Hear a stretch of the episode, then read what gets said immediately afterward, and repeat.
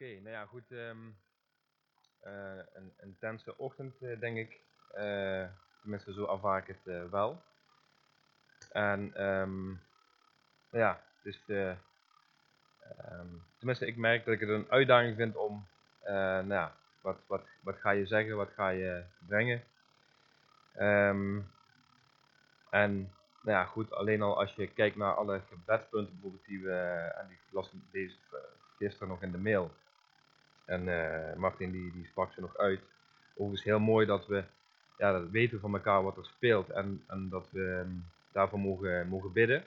Dat vind ik ehm, ja, super positief, maar eh, dat doet je wel beseffen als je dat leest hoeveel mensen te maken hebben met omstandigheden en, en laat ik maar zeggen geen kinderachtige omstandigheden.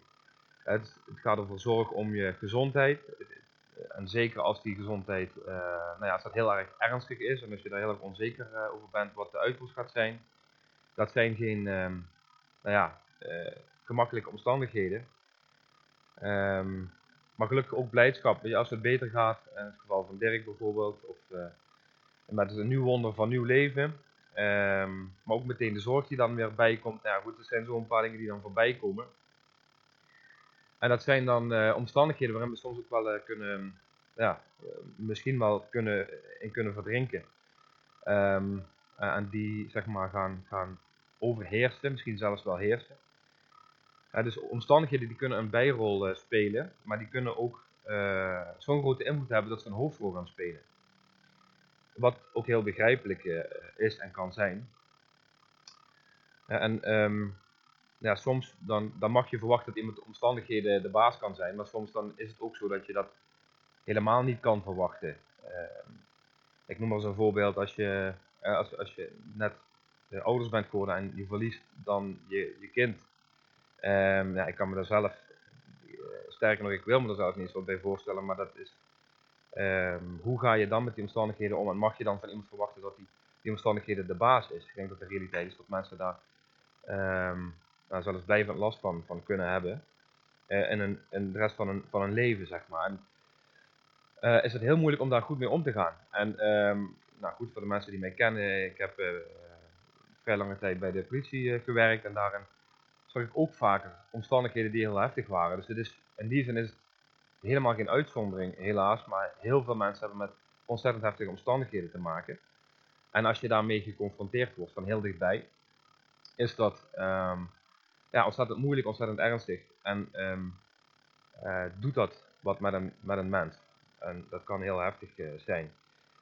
En eh, voor mijzelf heeft dat ook vaker vragen opgeroepen van ja, wat is hier nou, wat, waarom? De echte waarom vragen. En, en wat is hier nou de bedoeling achter? En waar is dit nu goed voor? Had u niet kunnen ingrijpen, God? Dat zijn, vragen die ja, best wel pittig zijn als je even los van de emotie dat zo, zou je ook kunnen zeggen, goh ja, het is wel wat om dat zomaar aan, God even voor zijn voeten te gooien. Of een soort van hem ter verantwoording roepen. Of als je zulke vragen stelt. Maar ik denk dat het heel begrijpelijk is, zeker als die omstandigheden heel heftig zijn, dat je je dan wel eens afvraagt ja, God kan toch ingrijpen? Waarom, waarom doet hij dat dan niet? Waarom laat hij toe? Waarom, eh, waarom gebeurt het? We hebben er toch voor gebeden. En de vraag is denk ik een beetje, is, zijn dat de juiste vragen om te stellen? Weet ik niet, kom ik straks nog op terug, maar eh, het zijn maar hele logische vragen om te stellen. Eh, ze troosten niet heel erg, denk ik. Maar als je ze laat liggen, die vragen, dan, dan kunnen ze groeien. Dan kunnen ze, die vragen kunnen zich ontwikkelen. Dat, gaat ook steeds groter worden. En naarmate dat gaat borrelen en groter, worden, eh, groter gaat worden in je leven, kan het dus ook steeds meer een bepalende factor zijn. En voordat je het weet gaan omstandigheden je, eh, ja, je leven bepalen. Of dusdanige invloed hebben dat je er steeds meer en meer last van hebt. Dus ik denk dat het heel belangrijk is om die vragen die je hebt, ben daar ook eerlijk over. Stop ze niet weg. Eh, en als je er een worsteling over hebt, over omstandigheden, ga die worsteling vooral ook aan. Ik heb daar zelf eh, ja, één ding echt in geleerd en dat is, ben eerlijk over eh, je vragen, over het gevoel van boosheid, van onmacht eh, ja, en alles wat daarbij kan, kan horen. Want een vraag is denk ik niet goed of fout. Uh, geef er zelf ook geen oordeel over. Als je die vragen bij je opvoelt komen vanuit jouw buik, om het zo maar even te zeggen. Ja, dan, dan is dat iets wat, ehm, dat komt ergens vandaan. En het moment dat je daar een oordeel op gaat plakken voor jezelf af, want dan ben ik geen goed christen als ik die vragen stel. Ik noem maar even een gedachte die zo zou kunnen zijn. Um, ja, ik denk juist dat het goed is om daar geen oordeel op te leggen. En de vraag mag er gewoon zijn, die kan er gewoon zijn. En gezien de omstandigheden zijn het ook heel logisch dat ze er zijn. Dus sta jezelf vooral toe om die, die vragen te stellen. Ja, als je je gevoel wegstopt uh, en die vragen wegstopt, ja, die komen gewoon als, als een boemerang terug. En hoe langer dat is blijven liggen, hoe groter zich dat kan ontwikkelen, zoals ik al zei. En sterker nog, ik durf zelfs te stellen dat, dat uh, de duivel het gaat gebruiken op het moment dat jij kwetsbaar bent, op het moment dat jij uh, nou ja, een twijfel of, of uh, een periode van verwarring bent. Nou, dan komen die weggestopte gevoelens, juist op dat moment um, komen die goed bovendrijven. En dan kom je misschien een keer de verkeerde tegen die ook nog een paar van die moeilijke vragen stelt. van ja, wie God van jou, ja. nou, kijk eens, wat er is gebeurd, kijk eens naar die situatie. Nou, dus um, stel die vragen, ga ook die vragen aan, maar stel ze wel bij God. En stel ze aan God, ga het gevecht aan met God. Ja, het gevecht aan met God gaan, zeg ik in alle eerbied en voorzichtigheid. Uh, maar die worsteling die je kan voelen, die je kan ervaren, de pijn die je kan ervaren, uh, ja, leg die vooral bij God neer. Hoe gemakkelijk dat ook kan klinken, en dat realiseer ik mij ook. Um, maar ja, dat is toch wat ik, wat ik, uh, ik, wat ik geleerd heb zelf. Door, uh, um, nou ja, door bepaalde processen in, te gaan. Ja, dus um, ja, goed, er, er, kunnen op vele manieren kunnen omstandigheden je leven soms zelf dus bepalen. En uh, nou, ik denk ook dat het zo is, en dat, dat is, nou ja, daar worden we dus alleen al door de lijst van gebedspunten, worden we daar gewoon mee geconfronteerd met de realiteit dat God omstandigheden toelaat. Dat we kunnen wel doen of zeggen alsof dat niet zo is, um, maar dat is gewoon niet de realiteit. En de realiteit is dat we met omstandigheden te maken hebben en de uitkomst echt niet altijd leuk is of fijn is. Um, of hetgeen wat wij willen.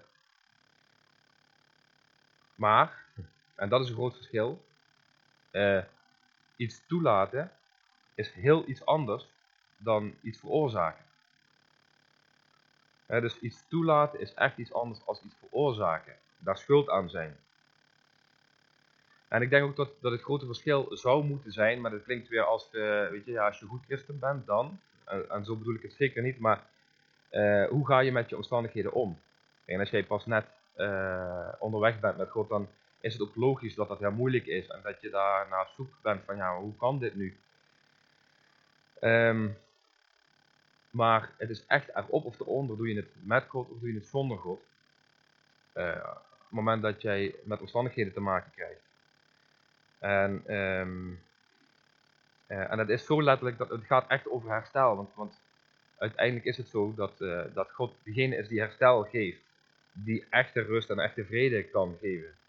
Ook al is de situatie heel erg heftig. Uh, en die twee kunnen heel erg ver elkaar liggen. Als je omstandigheden dusdanig zijn dat je het dan hebt over rust en over vrede. Terwijl je met allerlei vragen worstelt. Of misschien wel boosheid of, of of wat dan ook. Um, maar dat is dus het verschil. Om het met of zonder God te, te doen. Uh, dat, dat, ja, dat is letterlijk uh, erop of eronder. Uh, en, stel je voor, je moet het lijden moet je zelf dragen, zonder God. Uh, je bent misschien boos op God, je, bent, je voelt je afgewezen vanuit de pijn van, van je situatie, teleurstelling. Je niet gehoord voelen.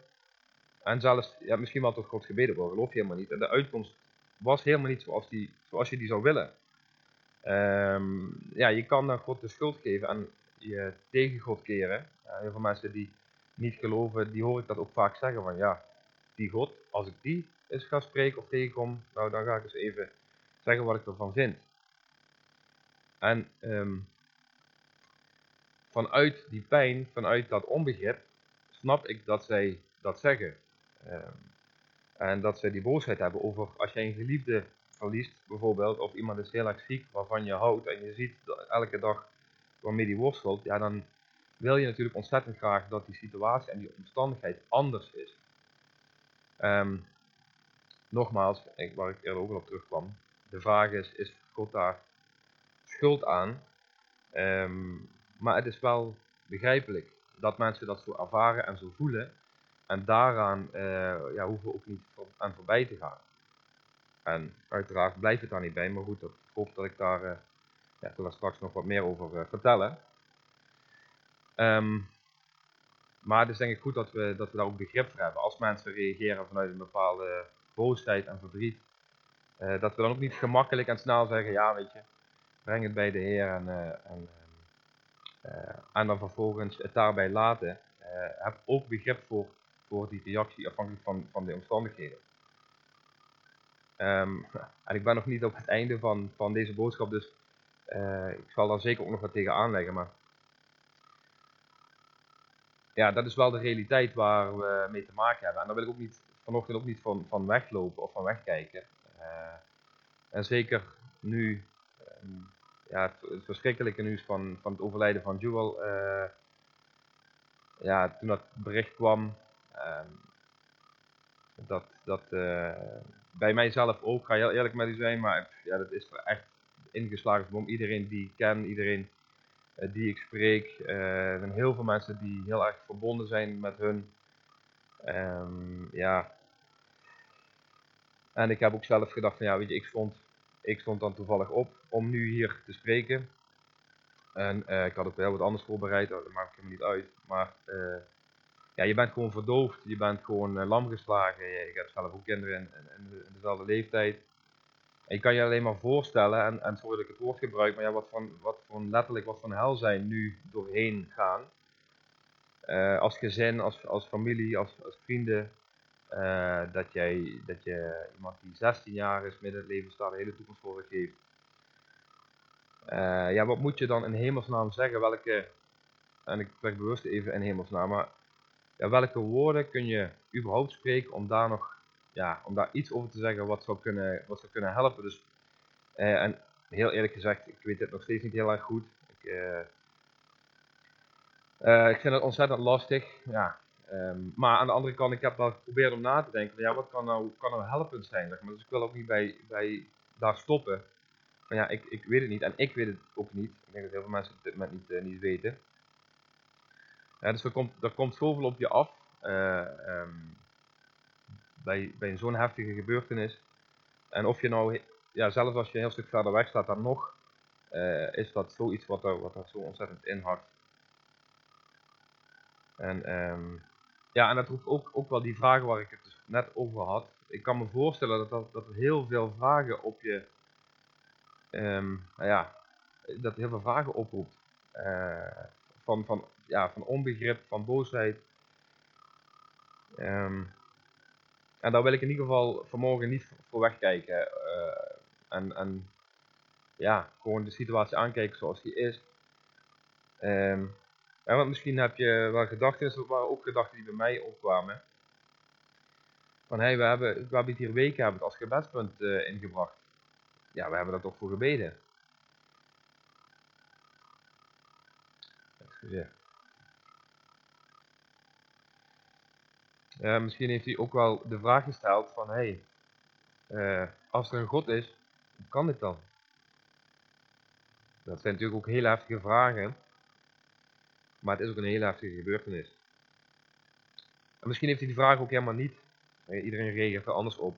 En dat is, elke reactie in die zin is, is goed, denk ik. Er is geen goed of fout. En hoe je, hoe je op zoiets moet reageren of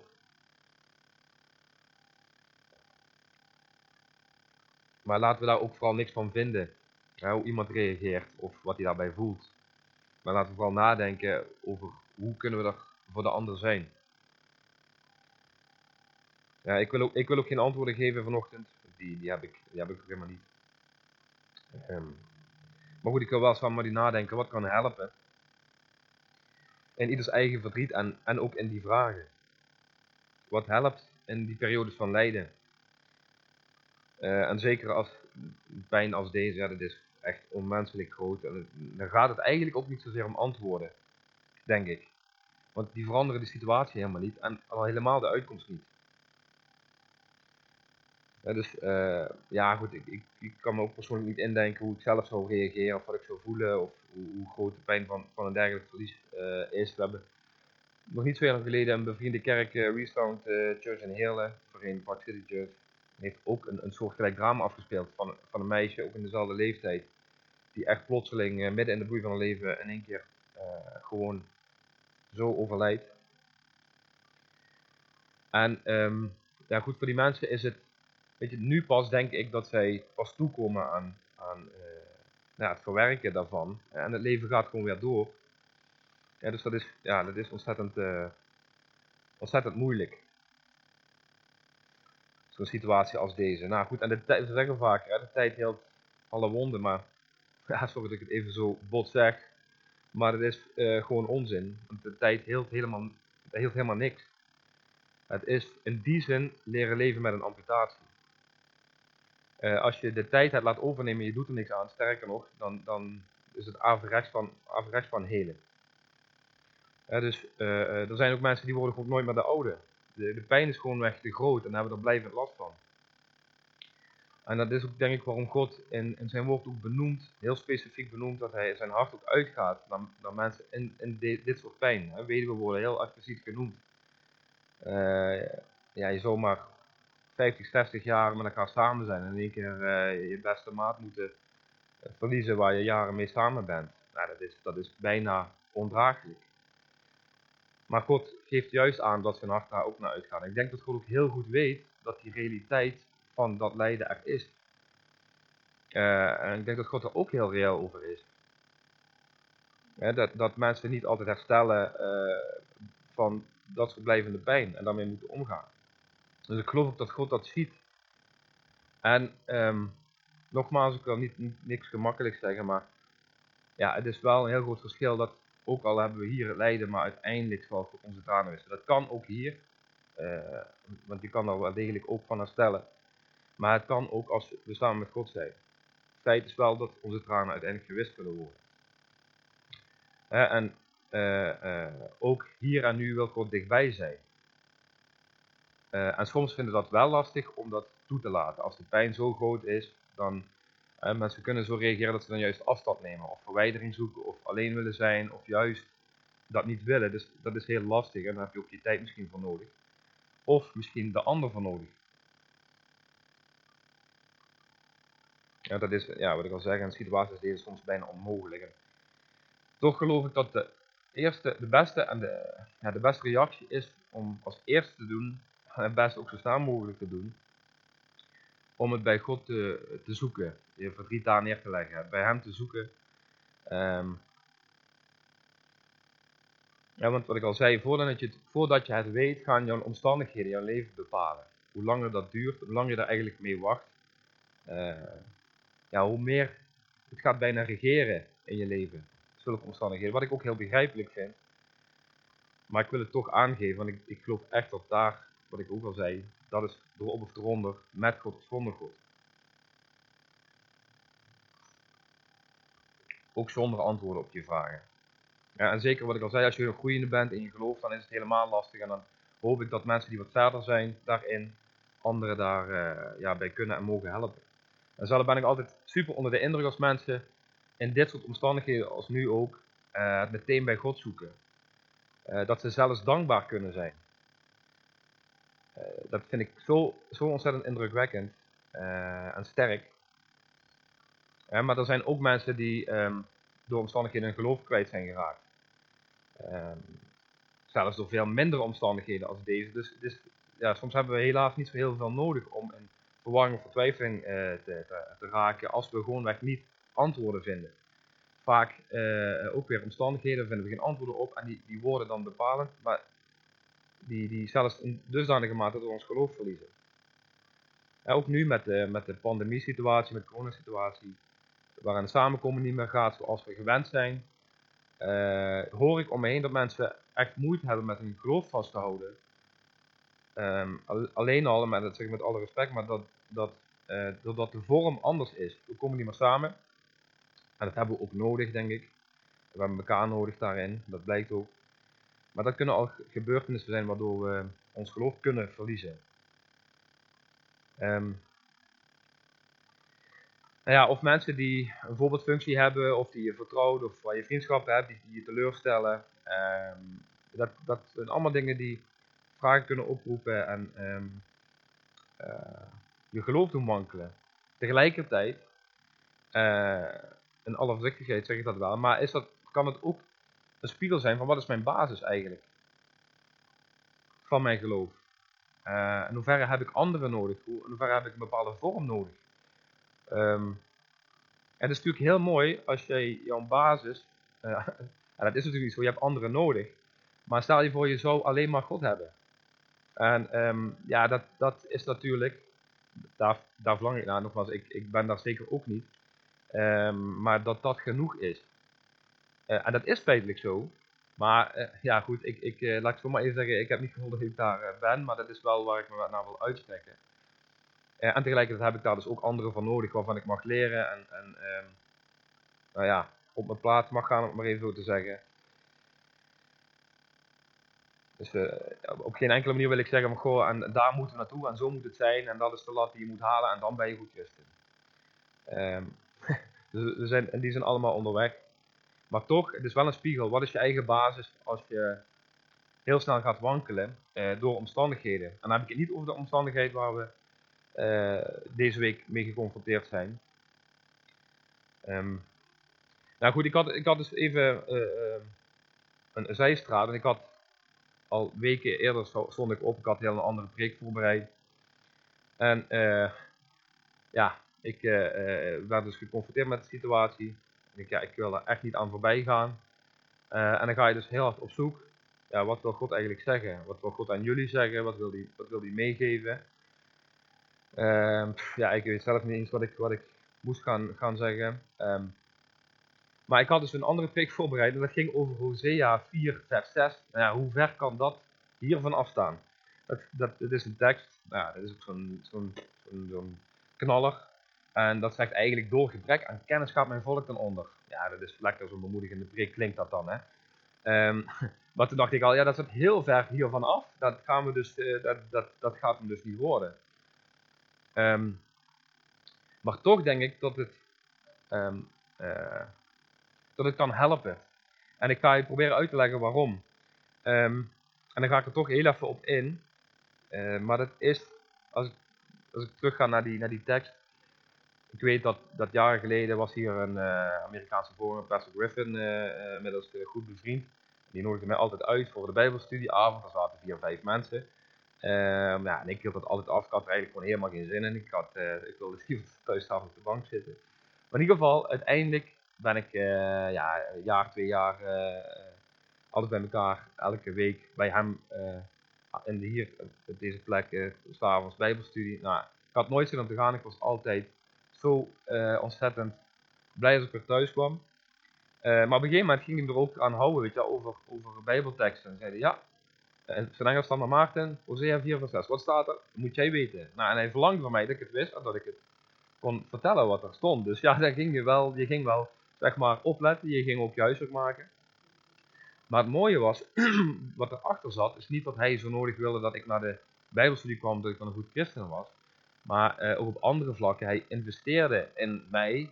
Hij maakte tijd voor mij. Omdat hij dus niet wilde dat ik ten onder zou gaan. Uh, door iets wat je gewoon simpelweg kan doen. Um, uh, maar goed, dat gezegd hebbende. Heel vaak wordt die tekst een beetje geïnterpreteerd als.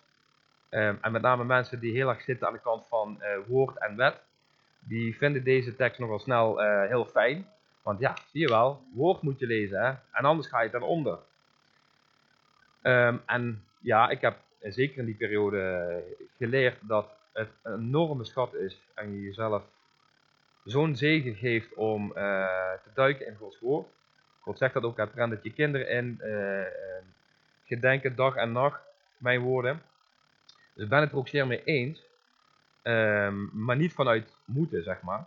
Um, maar ik zou het je wel zeker wel, wel gunnen. Ehm, maar, maar de tekst heeft een veel bredere context. Dus als je Hosea gaat lezen, zeker een keer doen, dan snap je de, iets beter de context van, van die ene vers. Want dat is sowieso altijd tricky, als we één vers eruit gaan halen.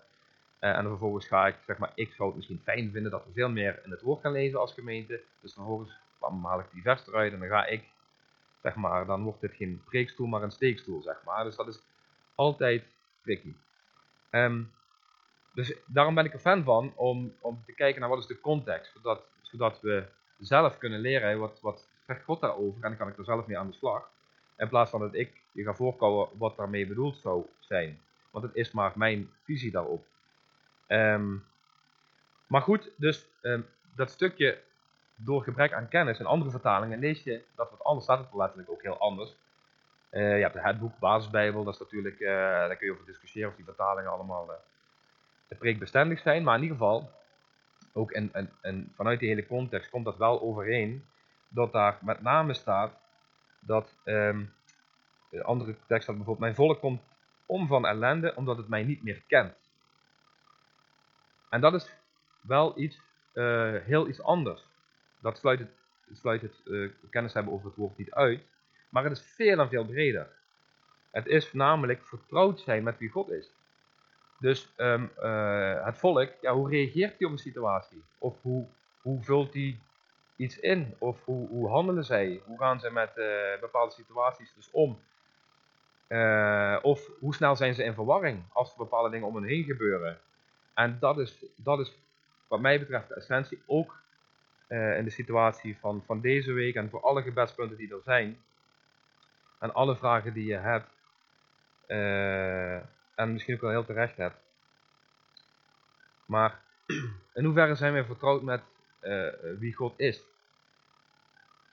Zijn wij vertrouwd met slechts de droge kennis? Ja, dat is helemaal top, maar als je dat, dat de enige kant is. Of ben je ook echt in verbinding met God? Maar dat is echt iemand kennen. Dus dat betekent ook, kennen we God zijn principes? Of ken ik zijn principes? Of ken, kennen, we, kennen we zijn woorden? Of kennen we zijn geboden en opdrachten?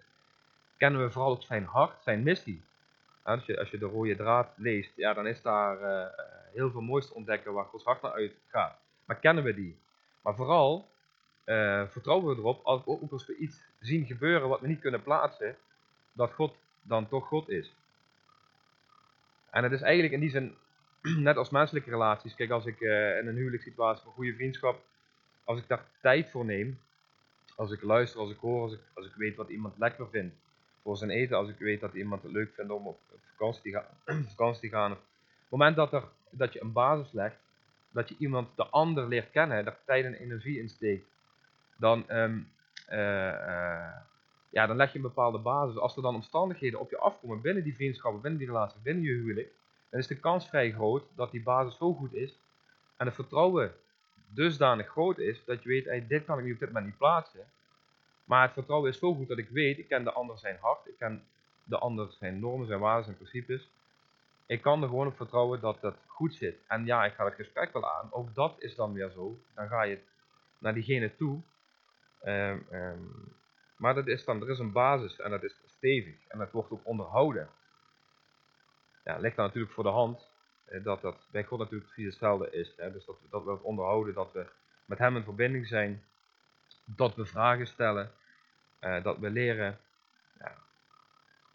Dus dat we vertrouwd zijn met God. En dat is dus het stukje van uh, um, het moment dat wij niet meer uh, handelen, reageren, om, omdat we niet meer vertrouwd zijn met wie God is.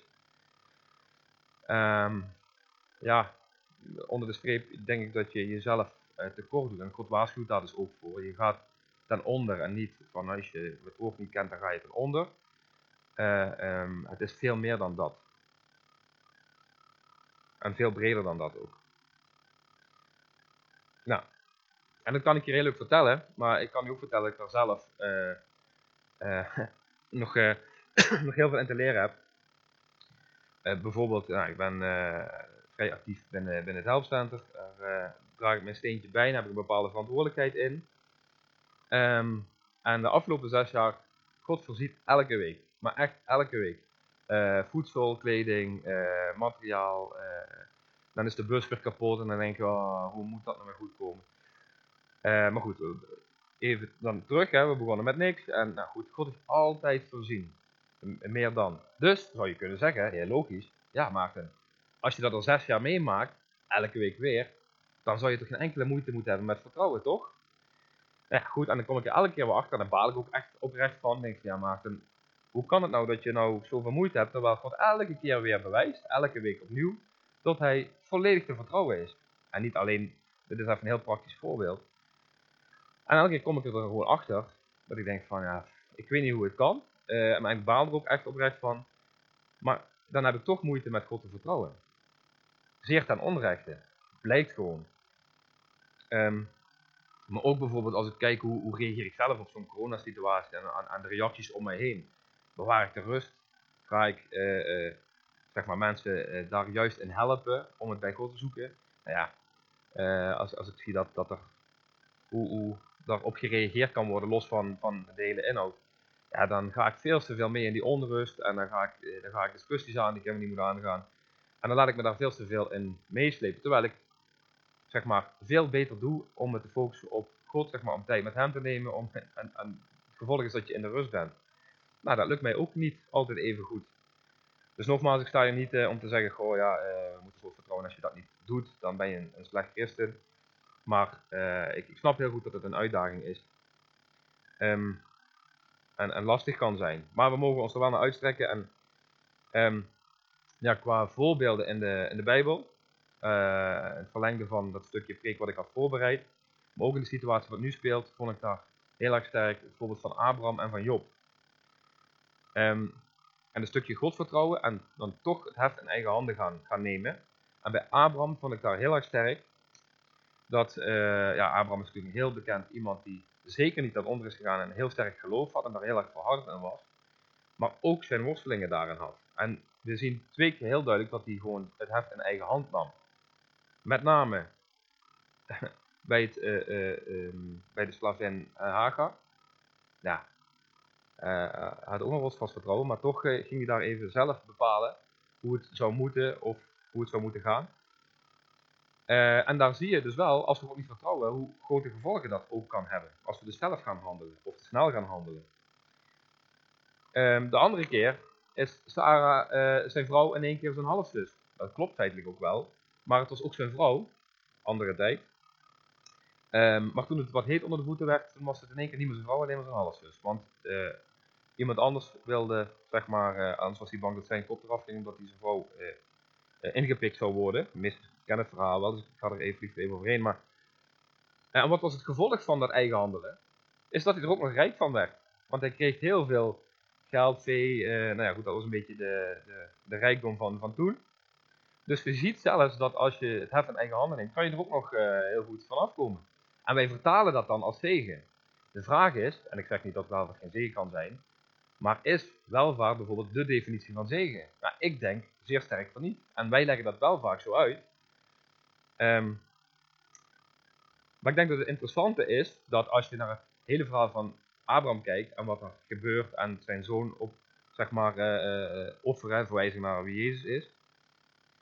Ik denk dat echte zegen, en is dat dan genoeg ook die zegen, is het verbrachte werk van Jezus op de eerste plaats. Daarnaast dat, dat God met je leven betrokken is, dat hij dicht bij je is. En voor de eeuwigheid dicht bij je is. Dat hij dat werk verbracht heeft, dat hij voor de eeuwigheid bij je is. Ja, dat is, hebben we net ook gezongen, maar als je dat echt beseft, wat een zegen is dat? En hoe ver overstijgt dat omstandigheden? En hoe ver omstijgt dat, ja, wel of geen rijkdom? Of welk dak je boven je hoofd hebt en welke stenen daaromheen staan. Met alle respect, maar ja, lekker belangrijk, zou je dan zeggen. Tenminste, dat, dat is wel wat het bij mij oproept. Maar de andere kant dan ook in deze situatie van, ehm, ja, van het verschrikkelijke nieuws. Dan zien we ook het voorbeeld van Job.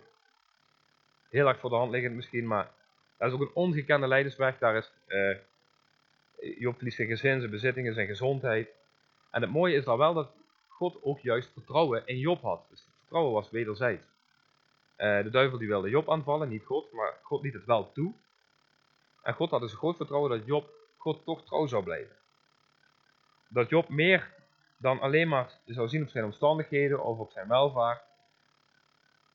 En, um, en zelfs, en, en, dat vind ik wel een hele interessante ook in deze situatie, en de vragen die ik eerder ook stelde. Zelfs dat er allemaal mensen in zijn omgeving waren, ja, die, zeiden gewoon allemaal van, eh, nou die hielpen Job niet echt. Ze allemaal, hey, die God van jou eh, Job, dat jij die nog trouw blijft. Snap ik echt niet. Als er dan een God is, nou moet je kijken wat er gebeurt. Als er een God bestaat, hoe kan dit dan? Ik stelde net ook.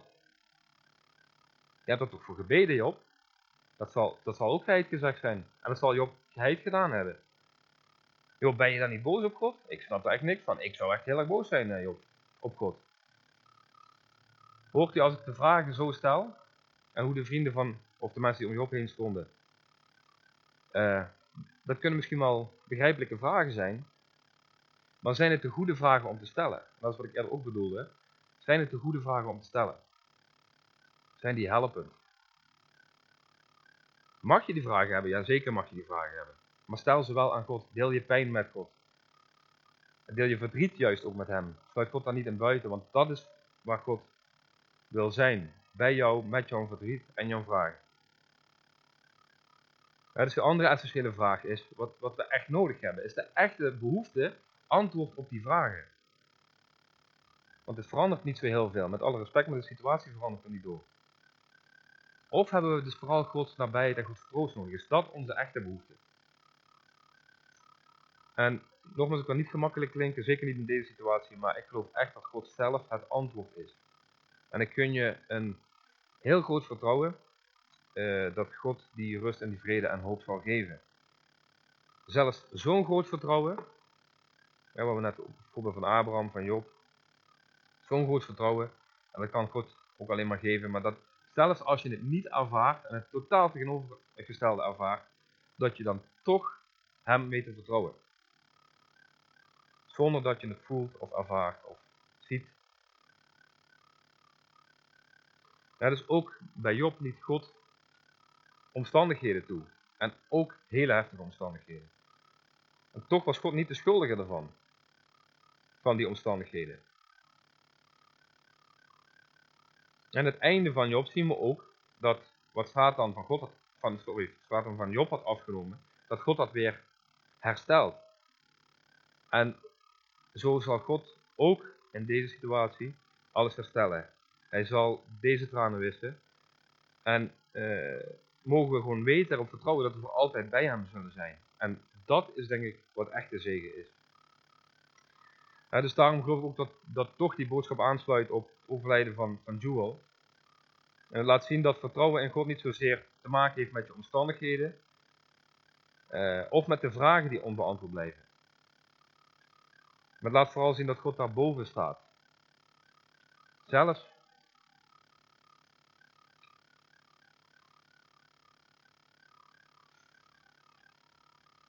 God staat zelfs boven de dood.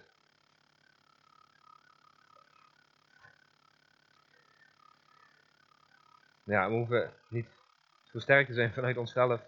Dat uh, ben ik nu op dit moment ook niet zo. Uh, als, als die Bijbelse geloofshelden. En je hoeft het ook niet uit eigen kracht te doen.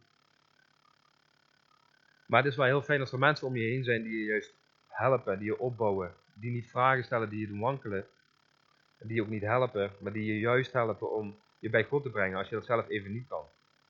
Die vertrouwd zijn met wie God is, die niet de aandacht en focus leggen op die omstandigheden, maar de aandacht en focus leggen op wie God is. je hoeft niet weg te kijken van die omstandigheden, maar ga je verdriet aan, ga je vragen aan en ga ermee naar God. En help mensen erbij om met, naar, naar God toe te gaan. En uh, ja, ook voor de jeugd. Ik weet niet, uh, ben ik... Uh, nee, oké. Ik heb even de tijd niet in de gaten gehouden. Um, maar ook voor de jeugd, de, ja, onze fantastische jeugd, jeugdgroep ook. Jonge jeugd, wat oudere jeugd. Ja, voor jullie is het ook uh, verschrikkelijk en moet het ook een plaats geven. En snap ik, als je boos bent, als je verdrietig bent, of misschien wel allebei. Of komen die gevoelens ook nog allemaal nog. Ik ben heel blij te horen dat, dat er ook een gelegenheid is dat jullie bij elkaar kunnen komen. Maar ik zou willen zeggen, wat je voelt is zeker niet gek. Je vragen die mogen er helemaal zijn. En stel die vragen ook gewoon. Als je het allemaal niet begrijpt, als je boos bent, eh, als je alleen maar kan huilen, hoe je ook voelt. Het is allemaal goed. Er is niks, er is geen goed of fout daarin. Ja, en, ik, en ik zou je vooral willen zeggen, deel dat vooral met iemand die je vertrouwt. Stop het niet weg en houd het niet voor jezelf. Eigenlijk als je dat doet, het wat je doet is je, je, uh, je houdt daarmee de pijn en, en, en eh, vragen alleen maar langer vast. En dat kan alleen maar groeien en groter worden. Dus ik zou je vooral willen aanmoedigen, deel dat met, uh, met mensen om je heen. En fijn dat dat ook vanavond kan. En voor alle andere mensen die om hun heen staan, of ook om de familie heen staan, bid voor ze, sla een arm om ze heen. Luister naar ze en bid dan nog een keer voor ze. Als jij degene bent die zelf met vragen zit, gevoel van onmacht, van boosheid, teleurstelling, deel het ook, vraag gebed. Hier, een broer of zus hier in deze gemeente of iemand daarbuiten in een andere gemeente, bij de oudste hier. Iemand waarvan je weet dat hij serieus met God is. En niet een vriend zoals Job zo had, is, die alleen maar vragen voor de voeten gooit. Maar je zal helpen om uh, naar God te gaan, ook als je dat zelf niet kan. En als je denkt van ja, dadelijk komt iemand naar mij toe, hoe moet ik daarop reageren? Dat vind ik lastig. Wat moet ik dan doen? Uh, nou, ik zou willen zeggen, ben er gewoon. Luister, vind er niks van. Van de vragen, van de gevoelens. Van de ander. En vooral als die ander even niet tot God kan naderen of niet kan bidden, dat jij dan degene mag zijn die de geestelijke verbinding maakt en met God weer in verbinding brengt. Uh, ik kan u verzekeren dat op het moment dat dat gebeurt, dan zal God daar zijn, dan zal hij troost geven, dan zal hij, uh, uh, zoals hij dat alleen maar kan, laten weten dat hij, dat hij er is. En ik weet ook uit eigen ervaring, op momenten gehad waar je dan een beetje in de put zit. En ik heb ook echt momenten gehad dat ik zo boos was ten onrechte, maar ik kon gewoon niet bidden. Ik zat letterlijk zo in de kerk. Ik zat er wel, dat dan nog wel, uh, maar ook weer niet. En ik was boos, ik was teleurgesteld. Nogmaals, helemaal niet terecht, maar dat is wat ik toen wel voelde.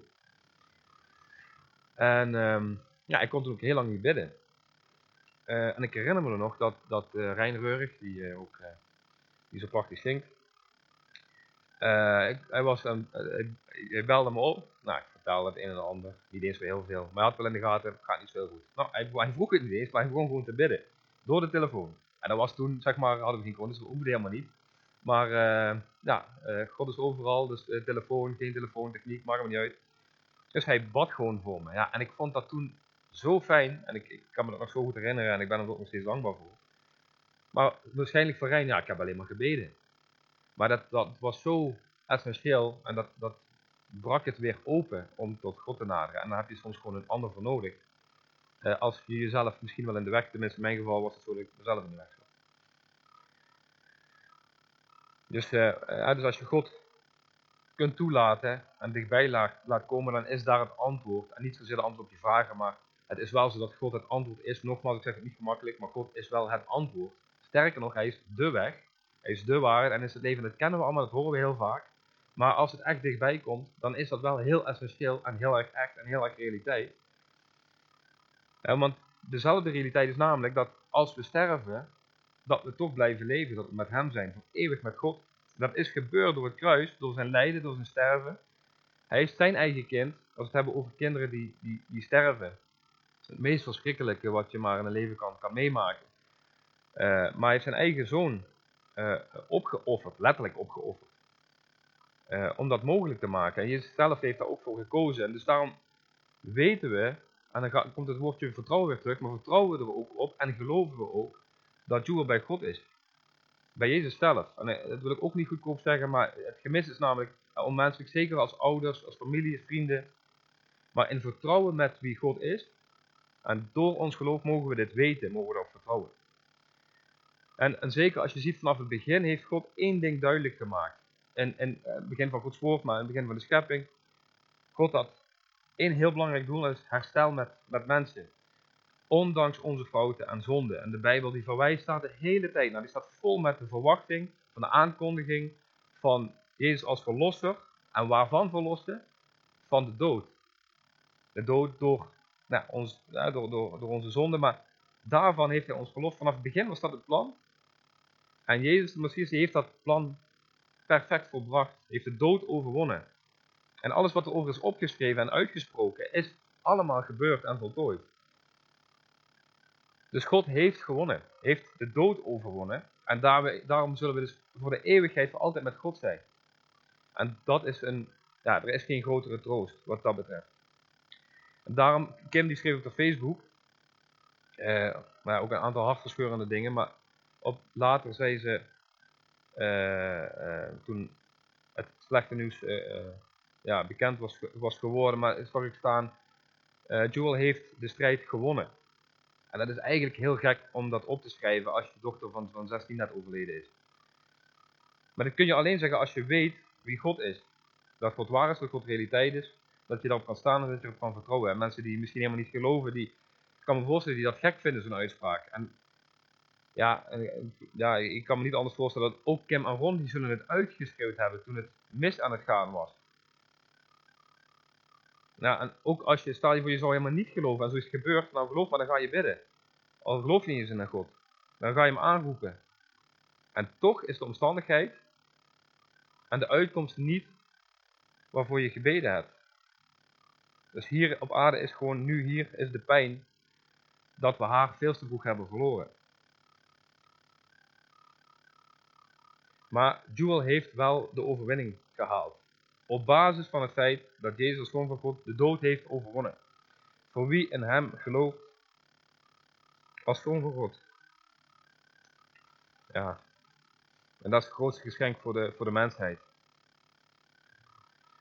En hoe verdrietig het ook is, is het, hoe hard dat ook klinkt, vanuit dat perspectief voor haar een vreugde. En ik hoop, ik hoop oprecht dat we ons daar ook aan mogen vasthouden. En bijzonder uh, Kim en zelf en de familie. Nou, afsluitend, wat betekent dit voor ons? Uh, ja, het betekent dus dat, dat ons grootste geschenk is, is niet welvaart. Is niet uh, nog hoe je woont of wat voor auto je rijdt of dat soort uh, niet zeggende zaken. Um, en al helemaal niet, zegen is, is natuurlijk ben je gezegend als dingen goed gaan. En mag je daar God zeker voor danken. Maar andersom, het is helemaal niet omdat je gelooft dat daarom alles goed gaat. Want ik geloof toch, in spreuken staat het letterlijk, bij ons zal hetzelfde lot treffen. Als christenen en niet-christenen, het treft jou hetzelfde lot.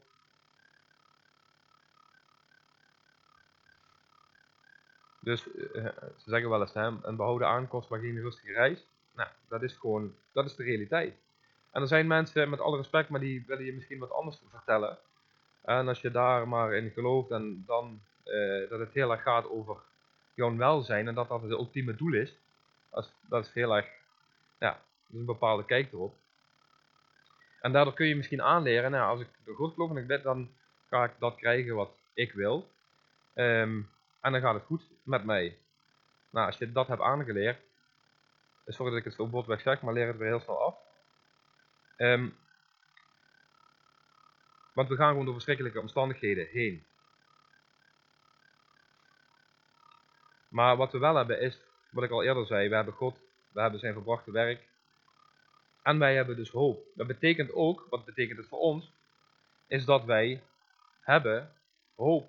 En niet hopen op hoop, maar echt hoop hebben. Uh, we hebben dus ook niet het antwoord, um, of een antwoord, misschien zelfs wel niet.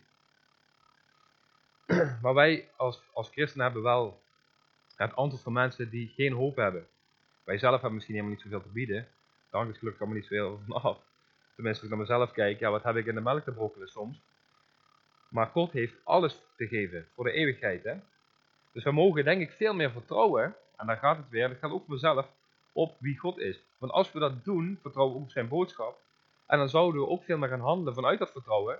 Om als mensen dus in nood zitten die om ons heen zijn, dan kunnen we vanuit de volle overtuiging zeggen, hé hey, maar de situatie is hopeloos, maar er is hoop.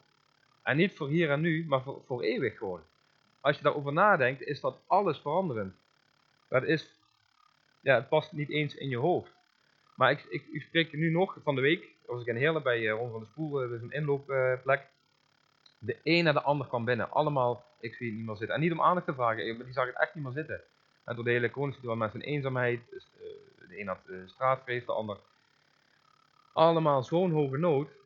Ja, en dan, dan zijn er mensen die, die. En wij, aan de andere kant, hebben wij gewoon die boodschap van hoop die af is, die vermaakt is. Die, hoeven wij niet, het hangt dus niet van ons af.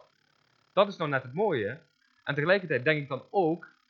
En, ik bedoel het ook niet, niet met de vinger wijzen. Maar ik denk, ik denk dan wel van als ik daar dan zit. Ook hè, bij het helpcentrum ook dat soort verhalen van mensen die, die uh, in een hopeloze situatie zitten.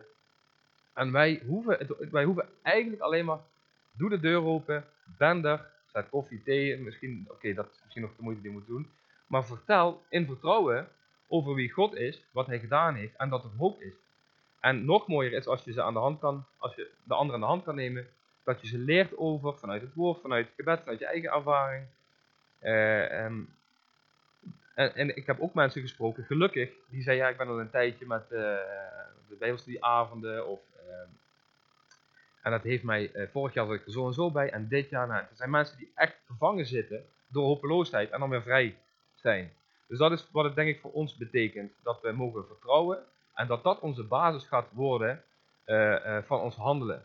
Uh, ook, en wat betekent dat? Niet alleen voor ons, voor mij individueel, maar ook voor ons als kerk. En misschien zeg ik het wat scherp, maar ik denk als jij voor de mensen die in hopeloosheid zitten, die het echt niet meer zien zitten, die dan zouden sterven zonder God. Ik denk niet dat zij zitten te wachten op een bepaalde invulling of vorm van kerk zijn. Dat ze ook niet zitten te wachten op, uh, een, een, uh, op allerlei uh, strategie- en visiemodellen. of, of ik noem maar eens even als voorbeeld een hele creatieve invulling. En ik zeg niet, daar is, daar is niks mis mee. Maar we kunnen het soms wel omdraaien. Als we nu starten met die mensen zijn hopeloos en wij hebben hoop. En we richten ons op die boodschap en vertrouwen veel meer op die boodschap dat dat waar is. En al het andere, dat is, dat is invulling. Dat komt later wel. Maar daar gaat het om. Wij hebben een boodschap die waar is, waarop we mogen staan, waarop we mogen vertrouwen. En als we dat echt geloven, dan gaan we daar naar handelen. En dan, dan durven we daar, ja, dan gaan we daar ook voor staan. En dan zijn, dan zijn er mensen die, die eh, en daar mogen we dus op vertrouwen, die boodschap, die verandert een leven, die keert een leven helemaal op zijn kop in positieve zin. En zelfs zover dat als jij dingen meemaakt, dus dat je bijvoorbeeld jouw kind verliest, dat je dan durft te zeggen, maar zij heeft gewonnen, er is overwinning hierin. Dat is, als je dat zo zegt, slaat het bijna nergens op als je het vanuit, als je het analyseert en, en wat is dat nou voor rare uitspraak. Maar dat is wat hoop is. En dat is wat uh, hoe geweldig eeuwig leven is en wat God gedaan heeft. En ik hoop van harte dat het, eh, dat het in positieve zin ons aan het nadenken zet. Dat we ook heel ontspannen mogen zijn. Dat we alles, ook in ons eigen kerkgebouw, weet je, het is allemaal. Um, we kunnen daar gelukkig veel ontspannender in zijn. Want het hangt niet van ons af, het hangt van God af en zijn boodschap af.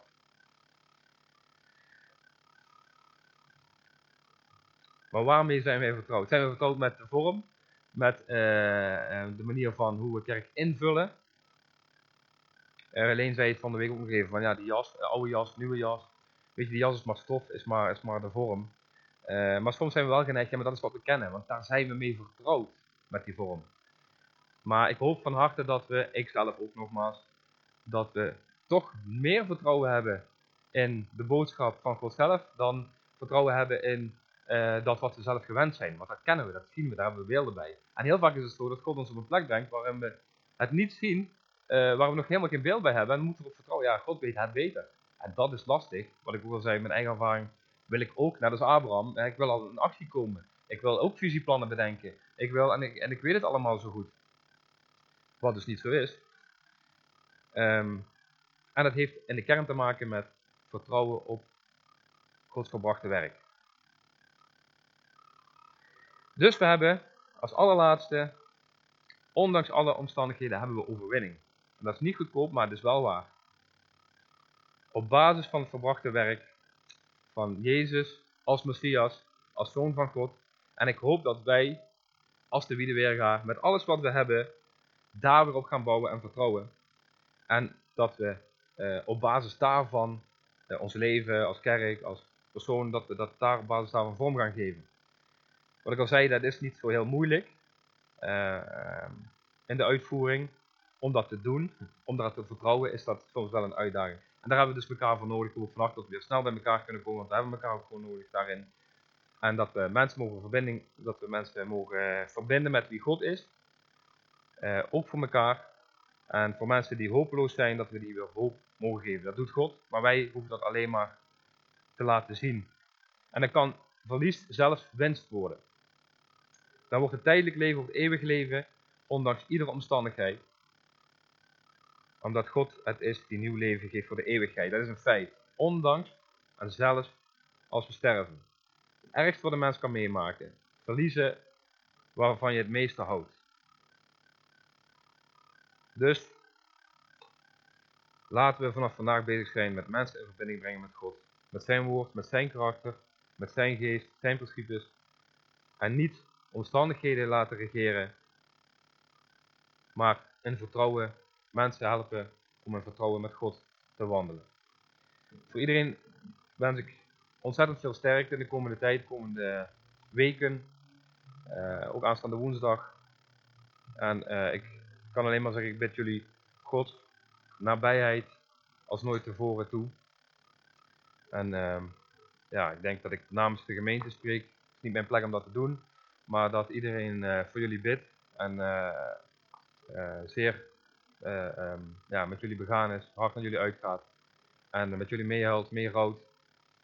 En nogmaals, ik bid iedereen die op wat voor manier dan ook daar pijn verdriet van heeft, Gods nabijheid toe. Amen.